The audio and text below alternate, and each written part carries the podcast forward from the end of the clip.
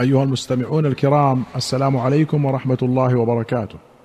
في كتاب بدء الخلق وصفات المخلوقات أخرج مسلم عن أم سليم رضي الله عنها أنها سألت نبي الله صلى الله عليه وسلم عن المرأة ترى في منامها ما يرى الرجل. فقال صلى الله عليه وسلم إذا رأت ذلك المرأة فلتغتسل. فقالت أم سليم واستحييت من ذلك. قالت وهل يكون هذا؟ فقال نبي الله صلى الله عليه وسلم نعم فمن أين يكون الشبه؟ إن ماء الرجل غليظ أبيض وماء المرأة رقيق أصفر فمن أيهما على أو سبق يكون منه الشبه.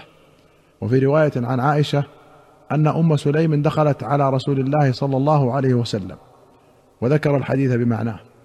وفيه أن عائشة قالت فقلت لها أف لك أترى المرأة ذلك؟ وفي رواية أن امرأة قالت لرسول الله صلى الله عليه وسلم هل تغتسل المرأة إذا احتلمت وأبصرت الماء؟ فقال نعم. فقالت لها عائشة تربت يداك. قال رسول الله صلى الله عليه وسلم دعيها. وهل يكون الشبه إلا من قبل ذلك؟ إذا علا ماؤها ماء الرجل أشبه الولد أخواله.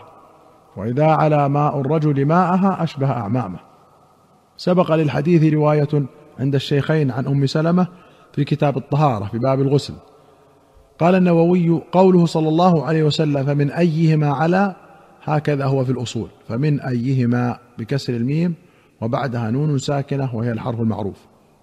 وأخرج مسلم عن عبد الله بن عمرو بن العاص رضي الله عنهما قال سمعت رسول الله صلى الله عليه وسلم يقول إن قلوب بني آدم كلها بين إصبعين من أصابع الرحمن. كقلب واحد يصرفه حيث شاء. ثم قال رسول الله صلى الله عليه وسلم اللهم مصرف القلوب صرف قلوبنا على طاعتك. قوله صرف قلوبنا هكذا في مطبوع مسلم. وعند الحميدي وابن الأثير اللهم مصرف القلوب ثبت قلوبنا على طاعتك. وأخرج البخاري ومسلم عن علي أن رسول الله صلى الله عليه وسلم طرقه وفاطمة ليلة فقال لهم ألا تصلون؟ قال علي رضي الله عنه فقلت يا رسول الله إنما أنفسنا بيد الله فإذا شاء أن يبعثنا بعثنا. فانصرف صلى الله عليه وسلم حين قلت ذلك ولم يرجع إلي شيئا. ثم سمعته وهو مدبر يضرب فخذه ويقول وكان الإنسان أكثر شيء جدلا. وأخرج مسلم عن عياض بن حمار المجاشعي أن رسول الله صلى الله عليه وسلم قال ذات يوم في خطبته ألا إن ربي أمرني أن أعلمكم ما جهلتم مما علمني يومي هذا. كل مال نحلته عبدا حلال وإني خلقت عبادي حنفاء كلهم وإنهم أتتهم الشياطين فاجتالتهم عن دينهم وحرمت عليهم ما أحللت لهم وأمرتهم أن يشركوا بي ما لم أنزل به سلطانا. وإن الله نظر إلى أهل الأرض فمقتهم عربهم وعجمهم إلا بقايا من أهل الكتاب. وقال إنما بعثتك لأبتليك وأبتلي بك وأنزلت عليك كتابا لا يغسله الماء تقرأه نائما ويقظان. وإن الله أمرني أن أحرق قريشا فقلت رب اذا يثلغ رأسي فيدعوه خبزة. قال استخرجهم كما أخرجوك واغزهم نغزك وأنفق فسننفق عليك. وابعث جيشا نبعث خمسة مثله وقاتل بمن أطاعك من عصاك.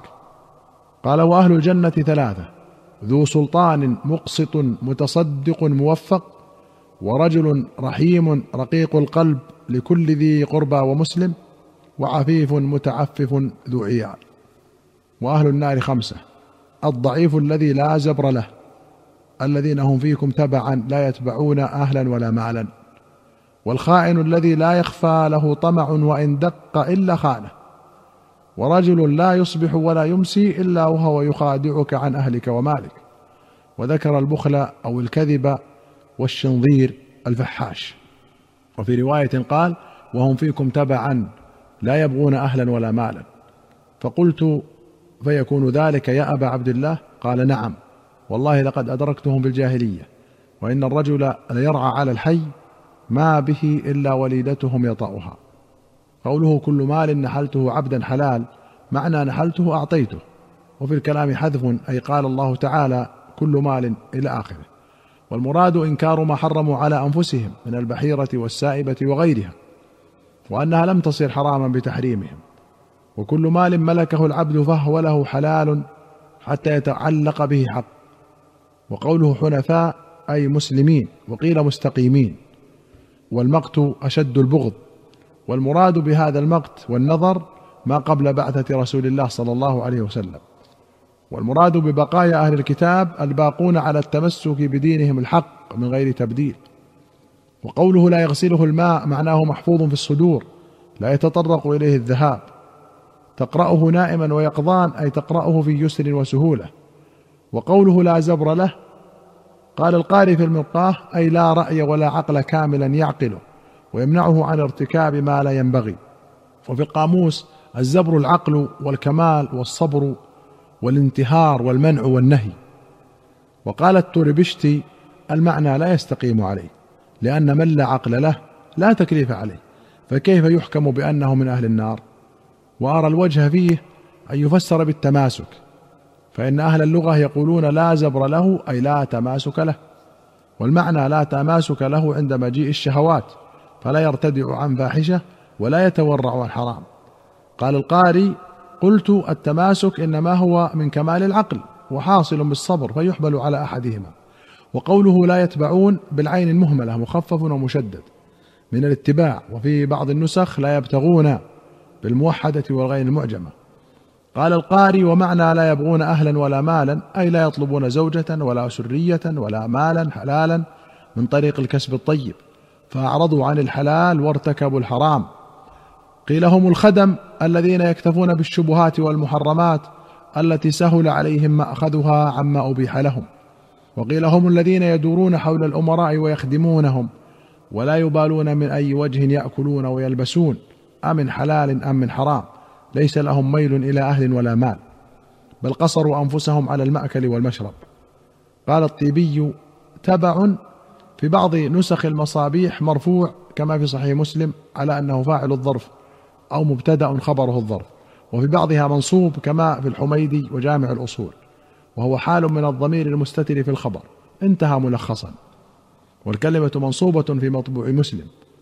وسيأتي في باب الحشر والحساب حديث أربعة يحتجون يوم القيامة ومنهم الأحمق فيقول رب لقد جاء الإسلام والصبيان يحذفونني بالبعر.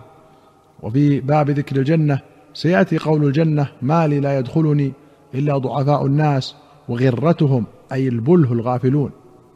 وقوله لا يخفى له طمع أي لا يظهر. قال أهل اللغة يقال خفيت الشيء إذا أظهرته وأخفيته إذا سترته. هذا هو المشهور. وقيل هما لغتان فيهما جميعا. وقوله البخل أو الكذب هكذا في أكثر النسخ بأو وفي بعضها والكذب بالواو والأول هو المشهور. والشنظير فسره في الحديث بأنه الفحاش وهو السيء الخلق. قال النووي قوله فيكون ذلك يا أبا عبد الله السائل هو قتادة.